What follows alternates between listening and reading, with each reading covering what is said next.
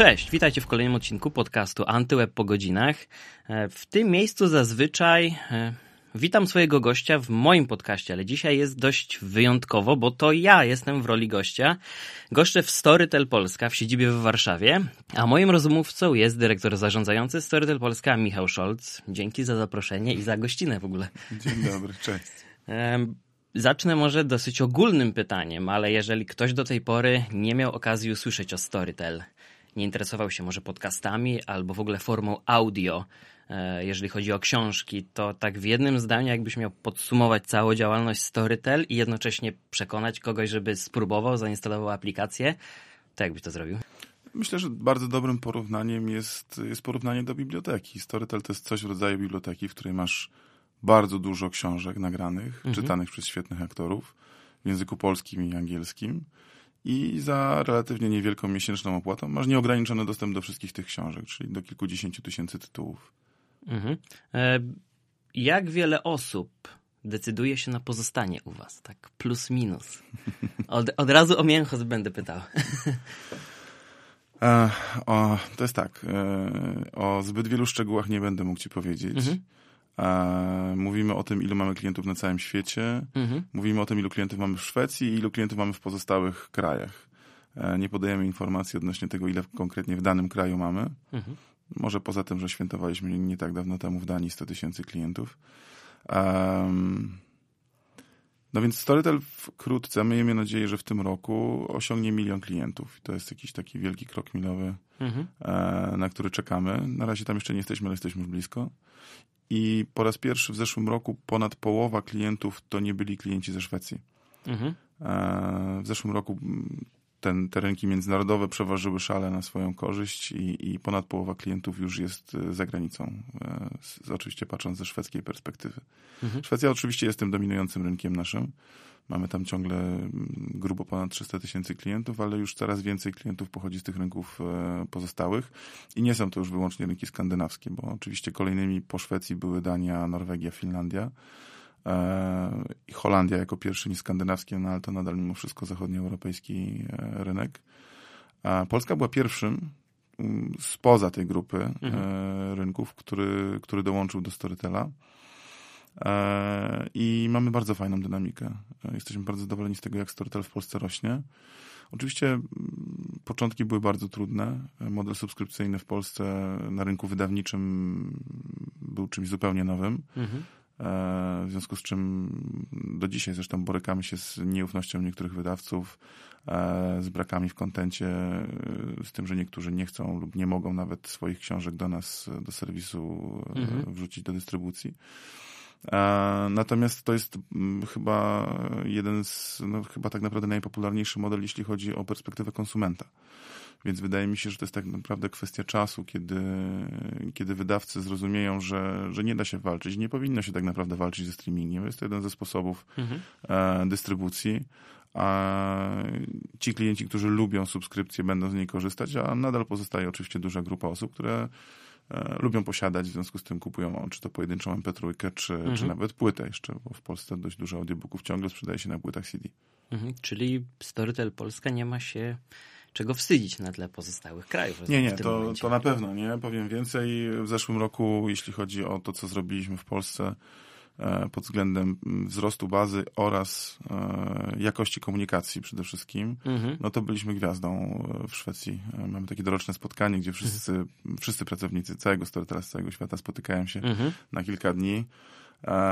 No to, to, to było bardzo przyjemne dla nas, bo byliśmy bardzo chwaleni. Mhm. W zeszłym roku zrealizowaliśmy projekt z Jędrkiem Bargielem, gdzie byliśmy z nim, kiedy wchodził na K2 i zjeżdżał z niego na nartach. Po raz pierwszy na świecie zrealizowaliśmy audiobooka prawie że live, to znaczy Jędrek nam przysyłał mhm. swoją relację, my ją nagrywaliśmy tutaj, wzbogacaliśmy ją dźwiękami z Karakorum mhm. i wydawaliśmy z jedno-dwudniowym maksymalnie opóźnieniem. Taki audiobook powstał w zeszłym roku w lipcu i no po pierwsze był, był bardzo popularny u nas i myślę, że wiele osób do nas przyszło dzięki temu audiobookowi to raz. Mhm. Dwa, no było to duże wydarzenie medialne. Dostaliśmy właśnie nominację do Nagrody Innovation za, za tę kampanię.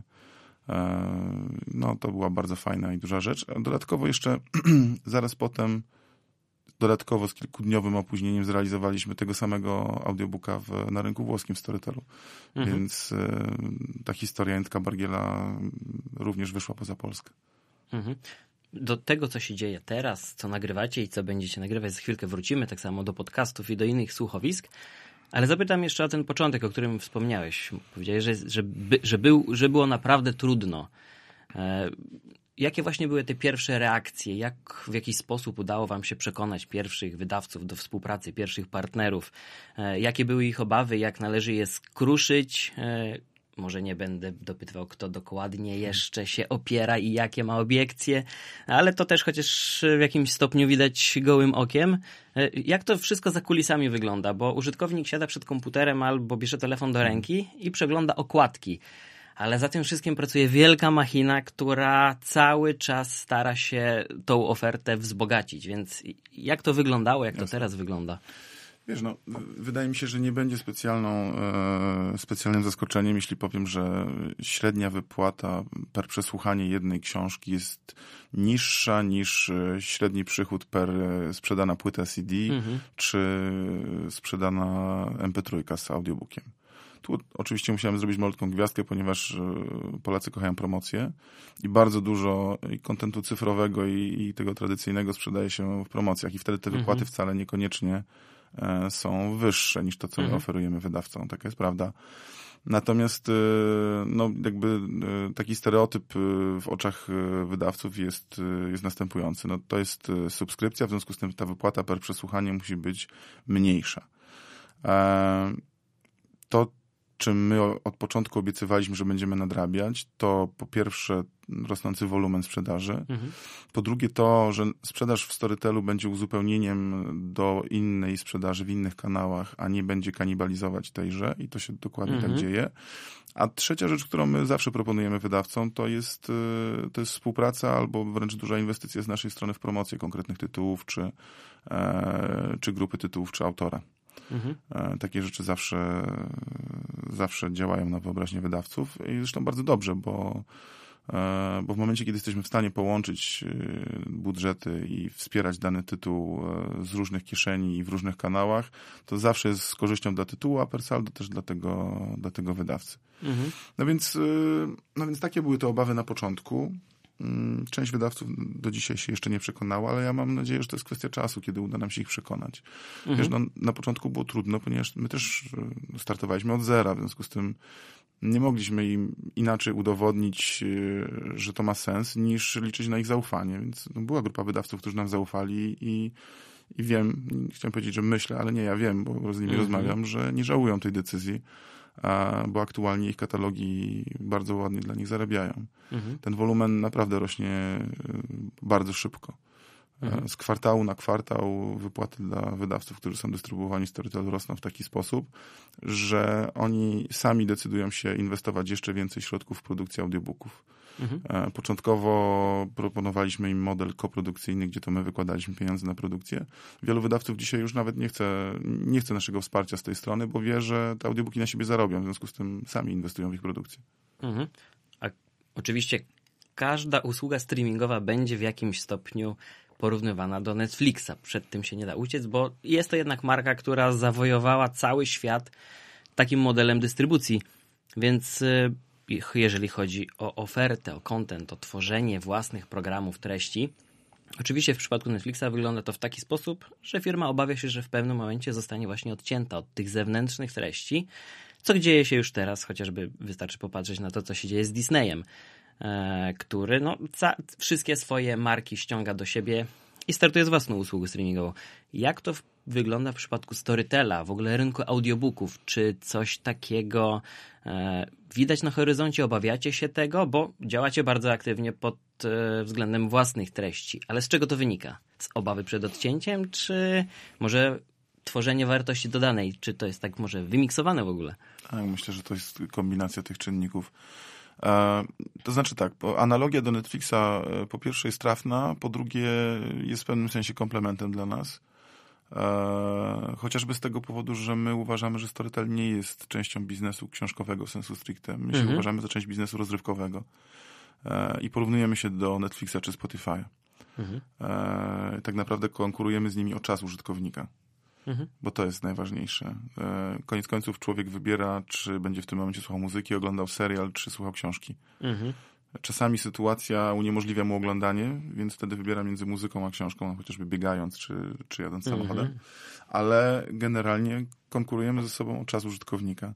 Mhm. E, więc bardzo lubię być porównywany do Netflixa. Natomiast jeśli chodzi o powody, dla których inwestujemy content, no to tak, inwestujemy w content. To oczywiście, e, po pierwsze, warto mieć własny katalog, bo jest się bardziej niezależnym. E, I to niezależnie od tego, jak skonstruowany jest rynek, bo on dzisiaj wygląda tak, jak wygląda, a za rok czy za dwa może wyglądać inaczej. Akurat w przypadku serwisów, e, powiedzmy VOD, mhm. E, on jest bardzo mocno podzielony i jest podzielony pomiędzy dużych graczy, którzy jednocześnie są dużymi producentami i wydawcami kontentu.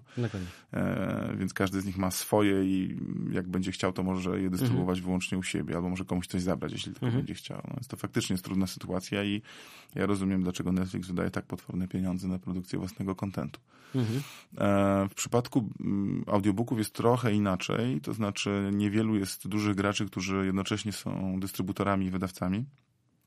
W związku z tym to ryzyko utraty kontentu na rzecz innego dystrybutora nie jest tak duże i tak bolesne. Aczkolwiek no, w Polsce mamy trochę ten rynek tak posilosowany. Mhm. E, z tego względu, że no, mamy audiotekę, która ma część kontentu na wyłączność u siebie. Mamy MP Go, który ma bibliotekę akustyczną i w związku mhm. z tym e, te tytuły trzymało dla siebie. Mhm. To, co produkujemy my, też jest dostępne tylko u nas.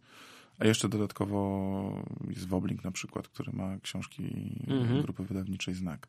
Więc e, jeśli ktoś chciałby dzisiaj słuchać wszystkich audiobooków, które są dostępne na rynku, to musiałby tak korzystać z wielu serwisów. Na pewno nie da się mhm. z jednego. E, ja akurat nie jestem wielkim fanem tej sytuacji, bo uważam, że e, rynek audiobookowy jest jeszcze na takim etapie rozwoju, e, że wszyscy powinni być zainteresowani inwestowaniem w jego wzrost, a nie wydzieraniem sobie kawałeczków tego mhm. tortu, który jest dzisiaj.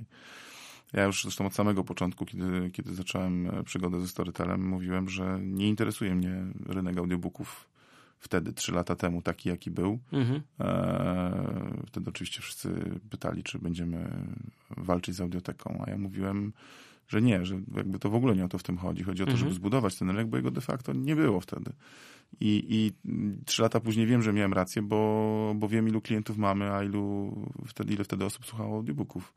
Więc e, trzeba jeszcze kilku lat ciężkiej pracy, inwestycji i cierpliwości mhm.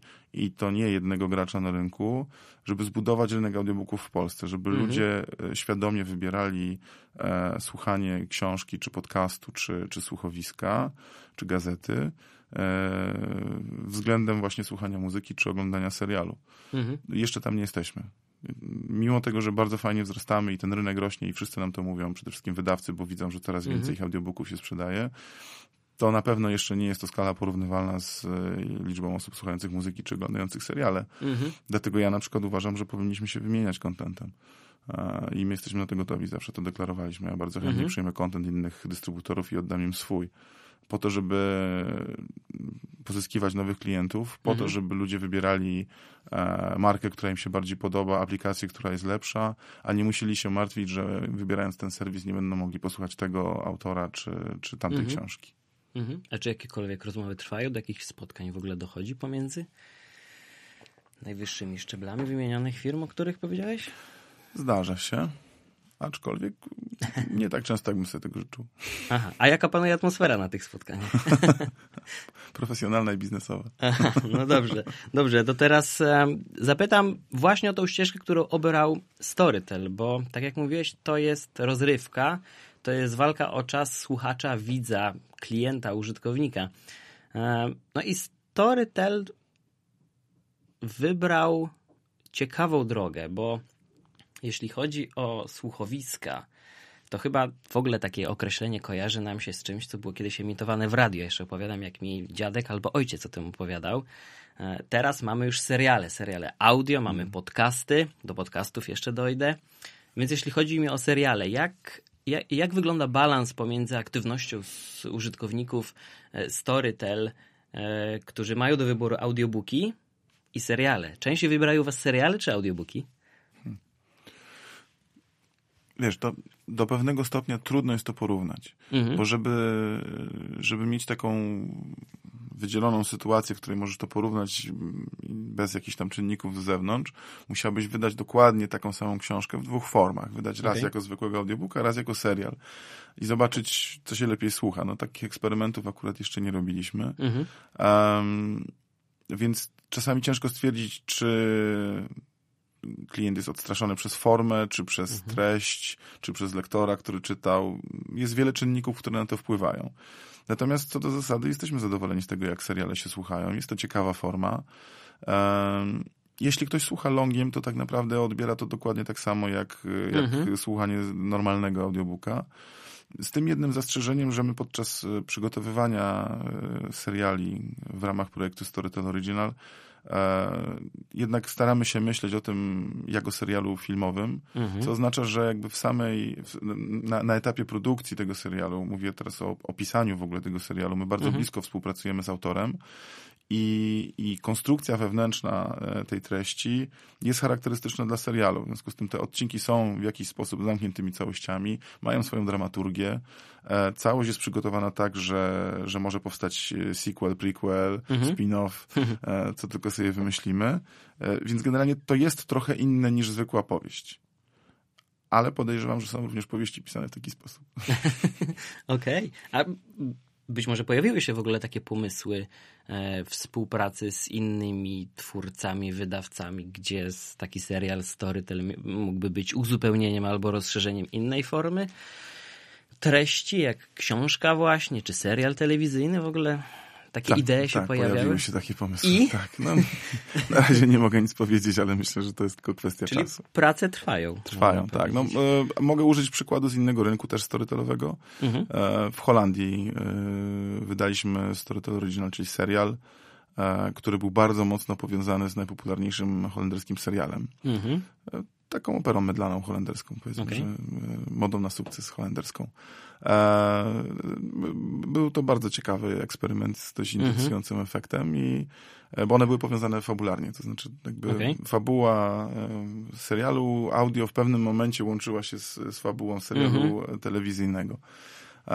Więc myślę, że takie rzeczy też będziemy robić w Polsce. Zresztą przez cały czas rozmawiamy ze stacjami telewizyjnymi i mhm. myślę, że to jest tylko kwestia czasu, kiedy znajdziemy fajne połączenie pomiędzy serialem e, polskim a e, historią, którą można napisać. Mhm. A jeśli można w ogóle tak to ująć, skąd pomysł u Storytela na, tak, na tego typu treści? Przecież moglibyście być zwykłą usługą streamingową, która dostarcza audiobooki tworzone przez innych. Jak to się zaczęło? Już może o te zupełne początki zapytam, jeśli, jeśli taką wiedzę posiada. Wiesz co, no, e, działamy w branży, w której nadal i pewnie zawsze prawdziwe będzie to powiedzenie, że content is king. I Storytel e, od, od zawsze, od początku jak zaczął istnieć, miał potrzebę posiadania własnego kontentu, mhm. chociażby z tego powodu, o którym rozmawialiśmy, czyli żeby, żeby wypełniać luki po tym, czego nie ma. E, w związku z tym, e, w momencie, kiedy już mm, Storytel był na tyle dużą usługą i na tyle bogatą, żeby móc sobie na to pozwolić, przeszedł szereg akwizycji, kupując wydawnictwa w Szwecji. Mhm. Jest tych wydawców aktualnie kilku, których, których jesteśmy właścicielami. No, no, taka najbardziej spektakularna transakcja to było dwa lata temu, kiedy kupiliśmy wydawnictwo Norstedts to jest y, najstarszy dom wydawniczy w Szwecji, który jest wydawcą między innymi książek Stiga Larssona. Mhm. E, więc no to z tego co wiem, na rynku szwedzkim to była dość szokująca transakcja, bo relatywnie niewielka mhm. firma e, działająca w branży cyfrowej kupiła największy, czy tam najstarszy przede wszystkim dom mhm. wydawniczy tradycyjny. Więc to, to się rozeszło szerokim echem, nawet po polskim rynku wydawniczym. Mhm. E, no i od czasu do czasu zdarza nam się robić takie rzeczy. Jesteśmy właścicielem czwartego największego duńskiego wydawcy książkowego, People's Press. Więc e, mamy dużą potrzebę posiadania i generowania własnego kontentu, bo przez to mhm. jesteśmy też bardziej elastyczni. Takie przejęcie nadchodzi też w Polsce? Rozglądacie się za kimś? Wiesz, to jeśli warunki biznesowe byłyby interesujące, to czemu nie? Tak, nie, nie, znaczy no nie mogę wykluczyć, ale też nie, to nie jest tak, że aktywnie poszukujemy i, mhm. i mam coś w kieszeni i za chwilę wyciągnę. To tak nie działa. Mhm. A jaki jest polski słuchacz? Audiobooka. serialu, podcastu? Jak, jak taki użytkownik wygląda z waszej perspektywy? nie wiem, czy w ogóle możemy mówić o takim bardzo jednorodnym profilu słuchacza. To znaczy mhm. na takim generalnym poziomie e, mam nadzieję, że nikogo nie skrzywdzę. Mam nadzieję, że nikt się nie poczuje skrzywdzony tym, że będzie poza tą grupą. Mhm. Ale co do zasady, taka grupa docelowa Storytela, no to są ludzie w wieku 25-49, mhm. mieszkańcy dużych miast e, z wykształceniem średnim plus mhm. i ze średnią dochodów powyżej przeciętnej. To jest tak e, w marketingowym ujęciu taka grupa docelowa. Jasne. Natomiast jeśli chodzi o samych użytkowników, to tutaj na pewno musielibyśmy to podzielić na podgrupy, mhm. bo e, inaczej demograficznie wyglądają ludzie, którzy przyszli do nas, bo chcą słuchać książek samorozwojowych, e, a inaczej wygląda grupa osób słuchających lekkich powieści, romansów czy powieści historycznych. Mhm. No to już szukanie wspólnego mianownika jest trudne. Mhm. Natomiast to, co na pewno zauważyliśmy i to jest bardzo duży sukces, to, to to, że zmienił się bardzo mocno profil użytkownika w stosunku do tego, co było 3 lata temu. Bo 3 lata temu, jak Storytel zaczynał w Polsce, to taki przeciętny użytkownik audiobooka to był raczej młody mężczyzna z dużego mhm. miasta. Okay. Taka osoba, która jest bardzo otwarta na nowe technologie. Mhm. E, no to, że ma smartfona, to akurat już małe, hmm. małe wyczyn, bo wtedy już wszyscy mieli. Ale generalnie takie osoby raczej poszukujące i, i świadome. Mhm. E, natomiast y, na innych rynkach, tych bardziej rozwiniętych, audiobookowych, storytelowych, e, przede wszystkim w Szwecji, no, przeciętny użytkownik y, i słuchacz audiobooków to była kobieta mhm. w wieku powyżej 30 lat. Okay. E, bo jak się nad tym zastanowić, no to taki jest też profil przeciętnego czytelnika książek mhm. i w zasadzie nie ma powodu, jeśli się zlikwiduje barierę technologiczną, żeby tak nie było przy słuchaniu, bo to, to jest dokładnie to samo. Mhm. I to, co zrobiliśmy jako pierwsi i dlatego mówię o tym jako o naszym sukcesie, to to, że bardzo mocno zainwestowaliśmy w content e, i zaczęliśmy nagrywać audiobooki e, adresowane bardziej do tej grupy kobiecej, mhm. ze świadomością, że na początku to, to, to będzie, to, to nie będzie dochodowe, żeby mhm. nie powiedzieć, że po prostu będzie nas to bardzo dużo kosztowało, ale wiedzieliśmy, że to jest grupa, którą, w którą warto zainwestować i warto jej poświęcić uwagę. Bo dopóki ktoś nie wyprodukuje tego kontentu, no to kobiety nie będą słuchać audiobooków, bo nie mają czego słuchać. Mhm. Po prostu. No bo e, ten e, mężczyzna e, w młodym, średnim wieku, powiedzmy z dużego miasta, on słucha najczęściej albo samorozwoju, albo biznesowych książek, albo hardcore crime'u, mhm. albo fantastyki lub science fiction. No. Więc była potrzeba na coś zupełnie innego i, i tutaj trafiliśmy w dziesiątkę, bo zaczęliśmy nagrywać bardzo dużo lekkich powieści, lekkich romansów czy, czy lekkich kryminałów i okazało się, że, że wiesz, że trafiliśmy w bardzo wdzięczną grupę. E, mamy mnóstwo użytkowniczek, które po raz pierwszy dzięki nam zapoznały mhm. się z audiobookami e, i do dzisiaj z nami są i słuchają pasjami w ogóle. Mhm. No właśnie, ale jak zapada decyzja, że coś jest, coś, coś będzie nagrane? Jeśli chodzi o audiobooka, jest jakaś pula tytułów, które chcecie nagrać, czy, czy wyszukujecie może też wśród nawet opublikowanych książek, że o, ten tytuł akurat to chcielibyśmy mieć u siebie, tylko u siebie na własność, a w przypadku seriali każdy z ulicy może tak jak do Netflixa wysłać scenariusz i być może zapali się zielone światełko i projekt zostanie zrealizowany? No, jeśli chodzi o zwykłe audiobooki, słowo zwykłe jest w cudzysłowie, mhm. e, no to produkujemy rocznie 350 audiobooków co oznacza, że są to bardzo różne książki z różnych gatunków. Prawie jeden dzień. Tak, dokładnie tak. Właśnie przed chwilą rozmawialiśmy z Maćkiem, producentem, że on za chwilę dobije do tysiąca wyprodukowanych audiobooków swoich już. Wow. E, no Czyli pracuje trzy lata. Dokładnie tak. E, no więc tutaj proces jest, jest też jakiś wielokanałowy, to znaczy sami bardzo aktywnie poszukujemy książek, które chcemy wydać. E, współpracujemy z wieloma wydawcami, którzy dystrybuują u nas książki. Oni nie zawsze sami wydają wszystkie audiobooki. Mhm. E, część katalogu udostępniają nam i wtedy my decydujemy, które książki chcemy wydać, które nie. Często wydajemy klasykę. E, za chwilę wydajemy Sherlocka Holmesa, ale w bardzo wyjątkowy sposób, czytanego przez Borysa Szyca. Wszystkie mhm. wydania, tak wielkie tomiszcze. Borys chyba przez pół roku będzie u nas siedział i to nagrywał.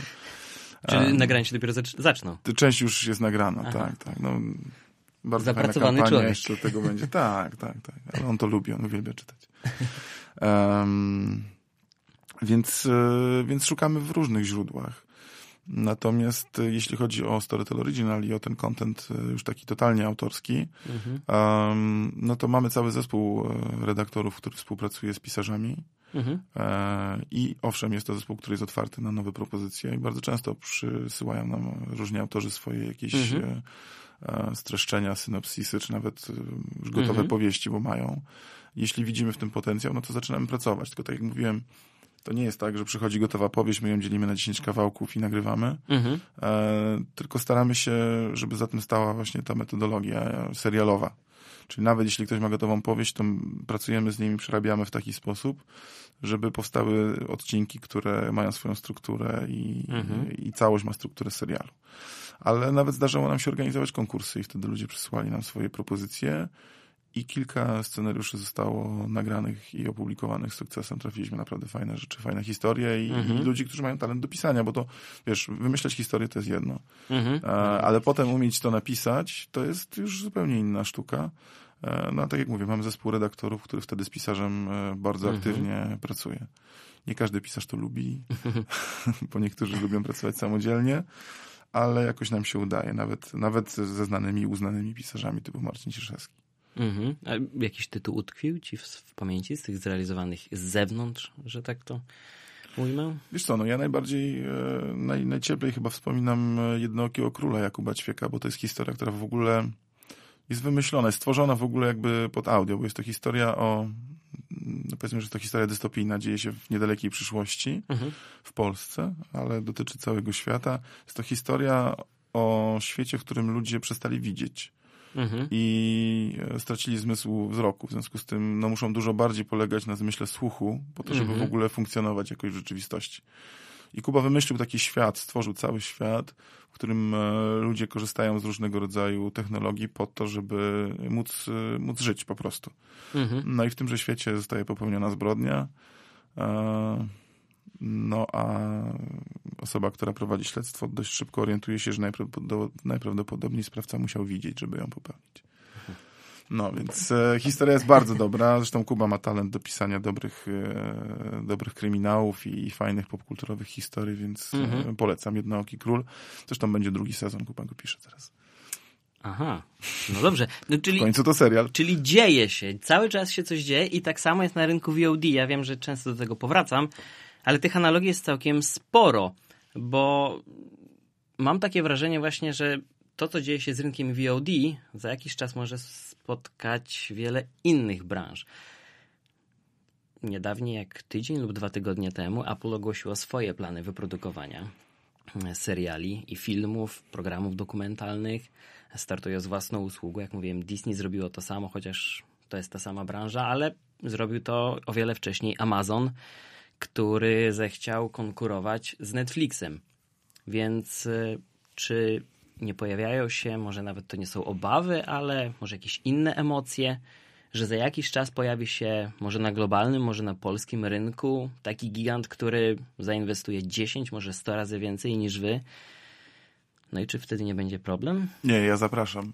Naprawdę, bardzo chciałem mieć tutaj giganta, który inwestuje duże pieniądze po to, żeby rynek rósł. Mhm. Ja mówię teraz zupełnie poważnie, to nie jest żart. Może Amazon. E, nawet, nawet jak to będzie Audible, czyli Amazon. E, mhm. My się nie boimy takiej konkurencji. Zresztą jesteśmy konkurentem Audible w, w. Meksyku, w Hiszpanii, we Włoszech, w Indiach, e, na wielu rynkach. E, co więcej, jesteśmy w stanie z nimi się dogadywać i rozmawiać również o wymianie kontentu, tak a propos naszej poprzedniej mhm. rozmowy. Aha. Więc Czyli tam rozmowy to nie jest niemożliwe. To nie jest niemożliwe. To się da zrobić e, nawet e, przy tak konkurencyjnych interesach.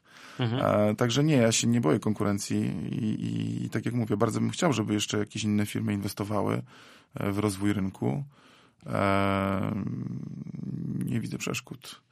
E, natomiast y, wiesz, no, to co opisałeś, to jest taka sytuacja trochę odmienna, bo to jest trochę tak, gdyby któryś z dużych wydawców zdecydował się uruchomić swój serwis, e, mhm. gdzie jednocześnie był właścicielem treści. Okay. Um, no, takie coś miało miejsce na rynku szwedzkim, bo jednym z naszych największych konkurentów jest e, taka aplikacja, która się nazywa BookBeat. Mhm. A właścicielem BookBeatu jest Bonnier, czyli jedna z największych, mhm. jeśli nie największa grupa medialna, również wydawca książek. Mhm. w Szwecji. No więc y, takie rzeczy się dzieją. Mm, w Polsce takiego zagrożenia za bardzo nie widzę. Między innymi też dlatego, że polski rynek wydawniczy jest, y, jest bardzo rozdrobniony. Mhm. Nie ma zbyt wielu tak dużych wydawców, żeby ewentualny ruch w stronę uruchomienia swojego serwisu e, miał coś y, poważnie namieszać. Mhm. Więc jaki jest plan teraz na rozwój Storytela? Pytanie bardzo ogólne, ale no, po pierwsze... Może są jakieś smaczki. Nie, no smaczki oczywiście, że są. Co do zasady jesteśmy konsekwentni i trzymamy się tego kierunku, który obraliśmy. E, nadal bardzo dużo inwestujemy w marketing i w oryginalne treści. Mhm. E, teraz jesteśmy w trakcie realizacji projektu jej portret o, o, kobietach, o których nie wszyscy słyszeli, a jest mnóstwo fantastycznych historii do opowiedzenia. Mhm. Realizujemy projekt Moja Muza, gdzie, gdzie świetni polscy artyści opowiadają, czytają książki, które ich mhm. inspirują. Tak jak powiedziałem, no, będziemy nagrywać bardzo dużo audiobooków ciągle i nieustannie, ciągle powstają seriale. Natomiast no, poszliśmy trochę w stronę podcastów i będziemy mhm. szli jeszcze dalej. Pewnie za chwilę o tym będziesz chciał porozmawiać. To było moje następne pytanie o podcasty, bo choć nagrywamy tutaj podcast, to Storytel ma własne podcasty i muszę zacząć od takiego mm, trudnego pytania, bo jest to sytuacja dość niecodzienna, bo podcast kojarzy się raczej słuchaczom z audycją dostępną za darmo. Po prostu gdzieś w internecie, na stronie, w jednej z aplikacji, których używają, czy będzie to nawet aplikacja podcastów na iOSie, czy Google Podcasty, czy Pocket Cast, nieważne. Po prostu te podcasty gdzieś tam są. Wasze audycje, wasze podcasty są, jakby nie patrzeć, za paywallem. Więc e, oczywiście bylibyśmy zdziwieni, gdyby one się pojawiły w ogólnej dystrybucji, ale jest to sytuacja niecodzienna, więc e, jak chcielibyście się przebić? Bo i tak podcastom w Polsce szczególnie nie jest łatwo, jakby nie patrzeć. No nie jest. Więc e, czy w ogóle takie słowo jak podcast i to jest jeszcze za który trzeba zapłacić, czy to nie jest e, zbyt wcześnie, żeby w coś takiego zainwestować? Na to pytanie, czy to zbyt wcześnie, to jeszcze ci nie odpowiem, bo mhm. jest zbyt wcześnie, żeby na nie odpowiedzieć. A, natomiast wydaje mi się, że kluczowe jest to, że podcast tak naprawdę to jest tylko i wyłącznie etykieta. Mhm. My na to patrzymy jako jeden z rodzajów e, kontentu audio. E, traktujemy go tak samo jak książkę, czy słuchowisko, czy przeczytaną gazetę. E, takich rodzajów kontentu jest, jest jeszcze więcej. I to, że akurat to się nazywa podcast i że to się kojarzy z czymś darmowym, mhm. nie ma dla nas tak dużego znaczenia. Tak? No, dla nas jest to treść, w której wyprodukowanie my musimy zainwestować. Mhm. E, to się nie dzieje za darmo. Jest twórca, który to wymyśla, który zaprasza gości, który to nagrywa w profesjonalnych warunkach. E, my wydajemy pieniądze na marketing tego i tak mhm. dalej. Więc jakby myślę, że to nie jest szokujące, że to jest za paywallem akurat. Mhm. I wydaje mi się, że y, każdy twórca podcastów szuka jakiejś, jakiejś drogi monetyzacji swojej działalności. Mhm. Myślę, że niewiele jest osób, które robią to tylko i wyłącznie dla czystej przyjemności nagrywania i oglądania, y, ile osób tego słucha później. Mhm. E, myślę, że zazwyczaj za tym idzie, czy to budowanie własnej marki, czy monetyzacja reklamowa, czy kierowanie tych ludzi później do innych y, miejsc, w których można na nich zarobić. I nie ma w tym nic złego, no bo znowu ktoś poświęca swój czas i swoje mhm. umiejętności, swoje doświadczenie, wiedzę, dzieli się tym, jest to zupełnie naturalne, że powinien za to otrzymać w jakiejś formie wynagrodzenia. Akurat mhm. u nas jest to paywall, natomiast gdzie indziej są to zupełnie inne sposoby monetyzacji. No. Mhm. Więc nic zdrożnego w tym nie widzę. Mhm. E, myślę, że coraz trudniej Robin Hoodów to prawda, to prawda. Ale to rozumiem, że to dopiero początek inwazji podcastów. Tak, tak. Zaczęliśmy, zaczęliśmy z, z listą e, kilku e, własnych podcastów autorskich. Powoli dołączamy do tego innych wydawców, innych twórców treści, po to, żeby ta baza podcastów rosła. Mhm. A tak naprawdę dla nas podcasty e, są po pierwsze sposobem rozszerzenia oferty dla mhm. naszych aktualnych użytkowników bo być może ktoś, kto dzisiaj słucha książki e, samorozwojowej, za chwilę będzie chciał posłuchać podcastu Jakuba Bączka, mhm. E, albo ktoś, kto lubi książki podróżnicze, posłucha sobie podcastu Sławka Makaruka, który opowiada mhm. o pięknych miejscach, w których nigdy nie będziemy. E, więc jakby dla nas po pierwsze jest to sposób na to, żeby dostarczyć nową treść do aktualnych użytkowników, ale też w drugą stronę. Mam nadzieję, że z czasem będzie tak, że ludzie, którzy przyjdą, żeby spróbować podcastów, bo z jakiegoś powodu nie słuchają książek. Mhm. Najczęściej taką barierą jest, jest obawa przed rozpoczęciem czegoś długiego. Okay. Wiesz, książka ma zazwyczaj powyżej 10 godzin mhm. i jak ktoś nigdy wcześniej nie słuchał, to wydaje mu się, że to jest y, strasznie trudne, żeby spędzić z czymś tyle czasu i że on tego czasu nie ma. Mhm. E, stąd też pomysł na podcasty, żeby ludziom... I seriale. I seriale, dokładnie, bo to jest ta sama droga rozumowania, e, żeby zachęcić ludzi do słuchania poprzez krótszą formę, a potem pokazać im, że tak naprawdę słuchanie książki niczym się nie różni od tego mhm. słuchania podcastu, bo tak samo można sobie to podzielić na te 30 minut, kiedy jedziemy do pracy, czy 15 minut spaceru z psem, czy godzinę biegania wieczorem mhm. i można słuchać w ten sam sposób książki. Także ja widzę w tym e, sposób przekonania ludzi w ogóle do korzystania z audio, niezależnie mhm. od tego, czy nazwiemy to podcastem, słuchowiskiem, książką, audiobookiem, czy po prostu rozrywką audio. Mhm. A czy są jakiekolwiek w ogóle ograniczenia, jeżeli chodzi o formę audio? Skoro mamy już podcasty, seriale, są książki, no to może niedługo jakieś programy podróżnicze. Znaczy, już jeden mieliśmy o wyprawie na K2, to prawda, to już zupełnie inna, in, inna forma treści, ale czy rzeczywiście można to tak przenosić prawie jeden do jednego z innych, yy, innych rodzajów treści? Na pewno warto eksperymentować. E, I pewnie nie dla każdego, e, nie na każdego użytkownika to zadziała w taki sam sposób, mhm. ale jestem przekonany, że audio przede wszystkim dużo bardziej uruchamia wyobraźnię i w ten sposób może zachęcić kogoś do chociażby odwiedzenia jakiegoś miejsca. Mhm. Wiadomo, że dużo łatwiej jest obejrzeć zdjęcia czy film, mhm. ale no ja posłuchałem kilku historii Sławka Makaruka, chociażby już wspomnianego i wiem, że, że sposób, w jaki on opowiada o tym, co był, y, sposób, w jaki on opowiada o tym, gdzie był, co mhm. widział i kogo spotkał, E, jest po pierwsze niesłychanie plastyczny, mhm. E, po drugie od razu powoduje, że masz ochotę tam pojechać, a jak nie tam, no to przynajmniej gdzieś, żeby, mhm. żeby było inaczej niż tutaj. Mhm. E, mamy bardzo fajną rzecz, która wystartowała no, kilka miesięcy temu już tak naprawdę. Coś takiego jak asystent Google, mamy głośniki inteligentne. Jak Storytel się zapatruje na to? Przecież to jest świetna platforma dla Was. Jest, oczywiście. I myślę, że to jest naturalny kierunek i pewnie z czasem w takich platformach e, aplikacje do odtwarzania audiobooków będą się znajdować. Mhm.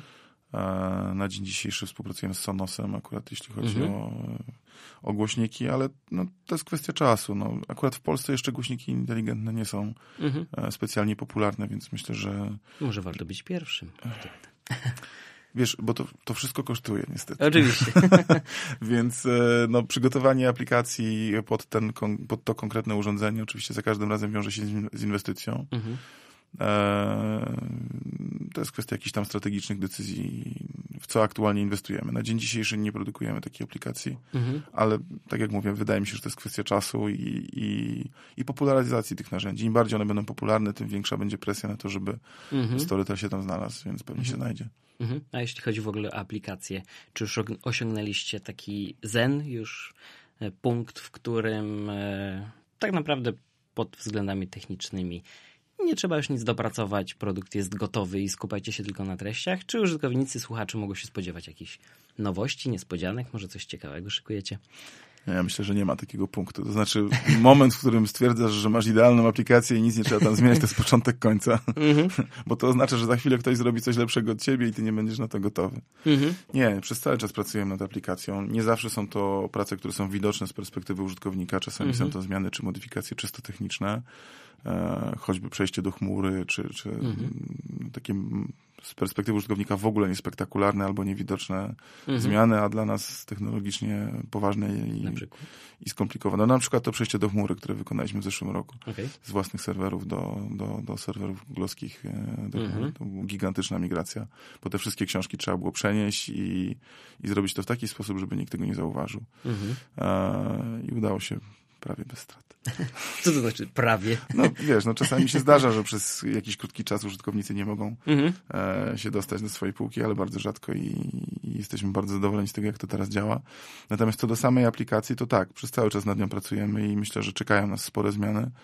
E, no idziemy oczywiście z duchem czasu i w stronę, w stronę wymagań użytkowników, więc e, aplikacja powinna być zawsze ładniejsza, bardziej funkcjonalna, bardziej przyjazna. Mhm. E, myślimy oczywiście o, o grywalizacji, o mhm. Możliwości dzielenia się swoimi półkami, książkami, chwalenia mhm. tym, coś, czego się posłuchało i tak dalej, więc myślę, że czeka nas sporo zmian. To, co ostatnio zrobiliśmy, to w Polsce, mm, to widać w takiej formie, e, wprowadziliśmy tryb dziecięcy. Mhm. Znaczy, mając wykupioną subskrypcję w Storytelu, można na drugim urządzeniu uruchomić e, niezależnie Storytela mhm. E, na tej samej subskrypcji ale w trybie dziecięcym. To znaczy, że aplikacja wygląda trochę inaczej i ma dostęp wyłącznie do książek y, do pewnego pułapu wiekowego. Mhm. Czyli już nie ma tego problemu, że ojciec czy mama musiał dawać swój telefon dziecku mhm. i jeszcze do tego się zastanawiać, czy ono przypadkiem nie słucha tam czegoś, czego nie powinno słuchać, mhm. e, tylko uruchamia tablet czy drugi telefon i mhm. dziecko słucha dokładnie tego, czego powinno. Mhm. E, I to się nie wiąże z żadnymi dodatkowymi opłatami, więc de facto zyskujemy takie drugie dodatkowe konto okay. e, tylko z ograniczonym kontentem do mhm. kontentu dziecięcego. Natomiast powiedziałem o tym, że tak wygląda to w Polsce, bo w rynkach, na rynkach skandynawskich wprowadziliśmy jednocześnie subskrypcję rodzinną, e, gdzie za trochę wyższą opłatą można korzystać na kilku kontach.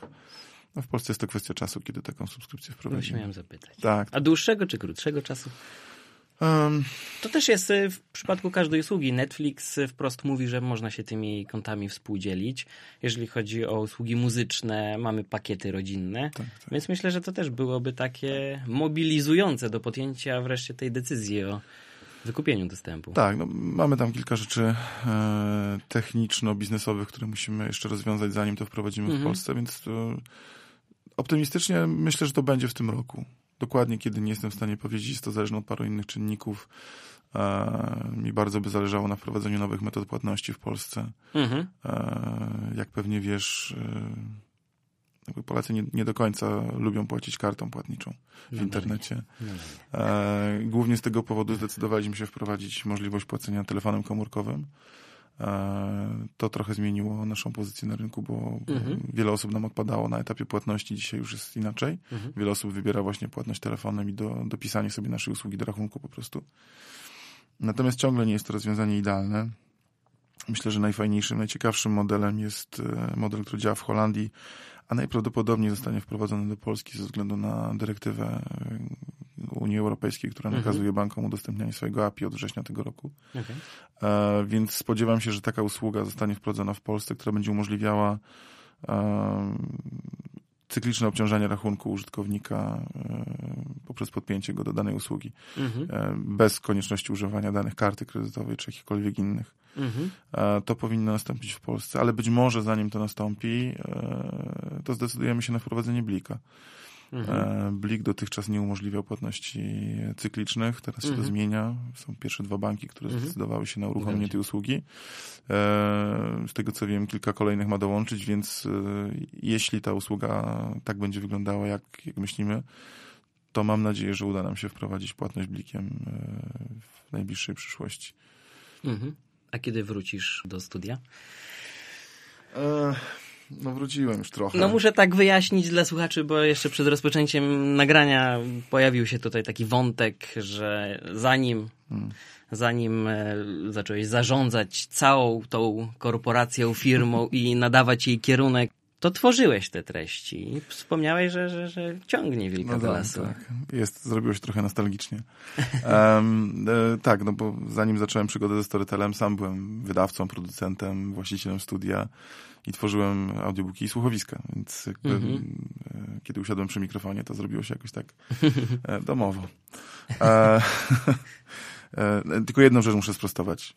Storytel nie jest wielką, straszną korporacją ze swoimi szponami i mackami. Nie jesteśmy mimo wszystko jednak niewielką firmą, jeśli chodzi o, o Polskę i grupą ludzi, którzy się bardzo fajnie uzupełniają, rozumieją i mhm. lubią. Więc to, że powstają tutaj fajne projekty jest również zasługą tego, że, że mam świetny zespół i, i ci ludzie się po prostu lubią mhm. ze sobą i lubią e, robić to, co robią. E, natomiast tak, jeśli chodzi o mój powrót tutaj, to mm, no myślę, że no chyba już mogę to powiedzieć, no, planujemy e, planujemy też rozruszać tą gałąź słuchowiskową. Mhm. Ja jestem wielkim fanem słuchowisk i od dawna uważałem, że, że Storytel powinien produkować swoje słuchowiska w Polsce. Mhm. Natomiast ponieważ jest to format, który na, na rynkach skandynawskich nie jest w ogóle popularny, mhm. nie mają tam takiej tradycji jak my, no, dotychczas ciężko było mi przekonać Szwedów do tego, że warto to zrobić. Natomiast wygląda na to, że ten rok będzie przełomowy i, i myślę, że niedługo już e, pojawi się kilka bardzo spektakularnych produkcji, mhm. które powstaną tutaj w tych studiach i, no i będą świetne, będą epickie i spektakularne. Mhm. A gdybyś miał e, porównać z tej perspektywy z zakulis cały ten rynek audiobooków, słuchowisk, wydawnictw, te trzy lata temu, te pięć może lat temu, a teraz, jaka jest najbardziej zauważalna różnica? E, nad czym najdłużej pracowano, a co przyszło o wiele łatwiej niż sądziłeś, że się zmieni? Hmm. To nie jest takie trudne pytanie, albo przynajmniej odpowiedź nie jest oczywista. Mhm. Myślę, że nic nie przyszło łatwo.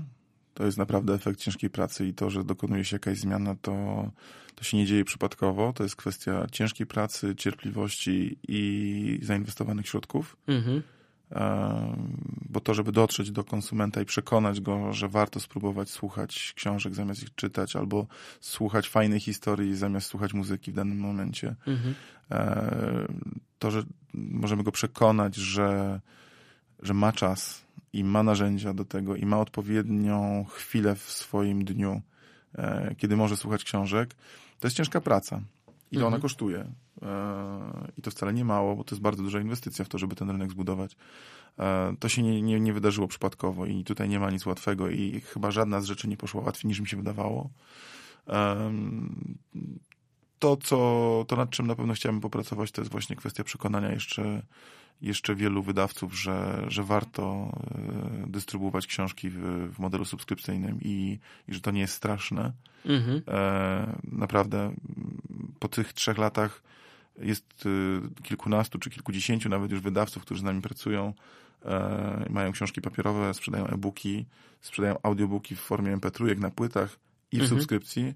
I jeszcze nigdy nie słyszałem, żeby ktoś przyszedł y, i powiedział, e, to był zły pomysł. E, okay. To, że jesteśmy w subskrypcji, zniszczyło nam sprzedaż MP3. Mhm. To się kompletnie nijak ma. To znaczy, może inaczej, efekt jest dokładnie odwrotny. Mhm. To, że my inwestujemy w rynek i popularyzujemy audiobooki, powoduje, że rośnie sprzedaż we wszystkich kanałach. Mhm. E, I to, to jest dokładnie feedback, jaki mamy od wydawców. Dlatego oni decydują się na inwestycje w content, bo widzą, że rośnie im sprzedaż we wszystkich kanałach. To, to, jest, y, to jest trochę bajka o żelaznym wilku, że sprzedaż subskrypcyjna zjada sprzedaż po, w pozostałych kanałach. To się w ogóle nie dzieje, my tego nie widzimy. Mhm. Wręcz przeciwnie, jest zjawisko dokładnie odwrotne. I na tym mi bardzo zależy i bardzo bym chciał, żeby wydawcy y, przynajmniej podjęli próbę. Mhm. Bo okej, okay, rozumiem, że nie każdy musi mi wierzyć, ale też y, to nie jest tak, że to jest wóz albo przewóz i jak raz spróbują, to już nigdy się nie mogą wycofać. Wystarczy spróbować i zobaczyć mm, przez 6 miesięcy, przez 12 miesięcy na, mhm. na swoim katalogu, co się dzieje, a efekt jest wyłącznie pozytywny. Hmm. To ciekawa myśl nam na koniec się pojawiła. Takie przesłanie niemalże. Dokładnie. Dobrze.